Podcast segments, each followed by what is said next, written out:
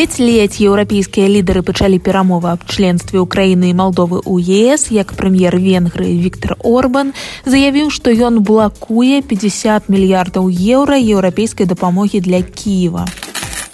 Орбан мог і самі перамовы заблакаваць, але не зрабіў гэтага. Хоць потым доўга тлумачыў венгерскаму радыё, маўляў, 8 гадзін змагаўся з партнёрамі ПС, але так і не змог пераканаць іх, што ўкраіна не павінна пакуль быць сябрам аб'яднання. Украіна і суседняя Малдова падалі заяўку на ўступленне ў ЕС пасля таго, як Расія пачала паўнамасштабнае ўварванне ва ўкраіну ў лютым 22 года. Ім абодвум надалі статус кандыдата ў чэрвені мінулага года. Але Орбан рашуча супрацьстаіць ідэі аб уступленні ўкраіны ў ЕС.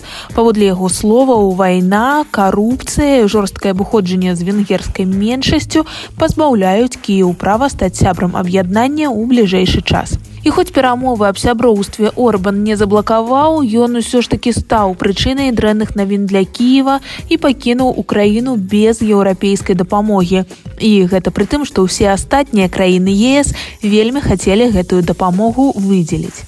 У пачатку наступнага года перамовы аб дапамозе для ўкраіны адновяцца і прэм'ер нідерландаў Марк Руте абнадзейвае. Яшчэ ёсць час у бліжэйшыя некалькі тыдняў украіна не застанецца без грошай. Орбан лічыць што венгрыя голас здаровага сэнсу ў еўропе але меркаванне прэзідэнта ўкраіны владимира зяленскага менш камплементарнае. Ён мяркуе што владимир Путін проста наклаў вета на пастанову аб выдзяленні грошай праз орбана Вы думалі, што сітуацыя з правамі афганскіх жанчын, напэўна, ўжо не можа пагоршыцца вось і не. Ан кажа, што ў Афганістане талібы адпраўляюць у турму жанчын, якія перажылі гвалт і яшчэ заяўляюць, што робяць гэта, каб іх абараніць. Да таго, як талібы захапілі ўладу, сітуацыя ў краіне таксама была не вельмі добрай, але там было прынамсі 23 дзяржаўныя прытулкі для пацярпелых ад гвалту жанчын і гэтых прытулкаў больш няма. Урад талібану палічыў, што яны не патрэбныя, а адзін з прадстаўнікоў талібаў сказаў, што падобныя прытулкі гэта заходняя канцэпцыя. Цяпер у выпадку хатняга гвалту, калі ёсць пагрозы жыццю жанчыны, яе будуць адпраўляць да сваякоў мужчын, а калі такіх няма у турму заходні свет вядома ў шоку ад такога падыходу і такога клопату. Утрыманне жанчын які ўжо знаходзіцца ва ўразлівым становішчы у карным асяроддзі верагодна акажа негатыўны ўплыў на іх псіхічнае і фізічнае здароўе. Так кажуць у аан А паліцыя гонконга абяцае больш за 100 тысяч долараў за інфармацыю пра пацярпелых актывістаў, якія ўсё яшчэ спадзяюцца вярнуць дэмакратыю ў гонконг. Іх абвінавачваюць у самых розных злачынствах ад падбухтоўвання да сепаратызму да змовы з замежнымі сіламі.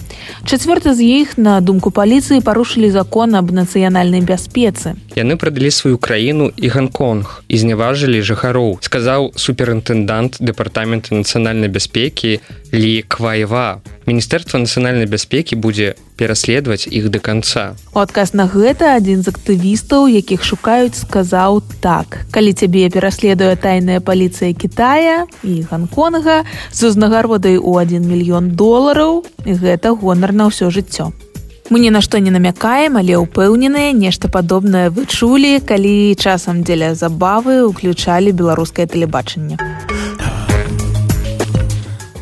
Аўстралійка скрала фургон з дзесяцю тысячамі пончыкаў і ніводнага не з'ела.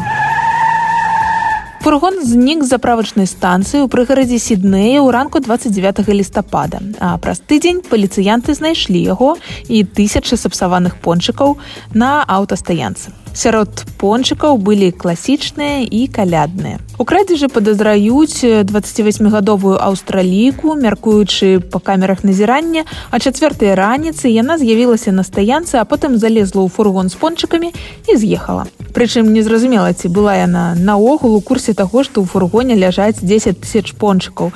Здаецца, ёй проста патрэбны быў транспарт кампанія вытворца пончыкаў запэўніла кліентаў што ўжо рупіцца пра тое каб на пячы яшчэ да святаў. Інфармацыйная служба еўрарадыа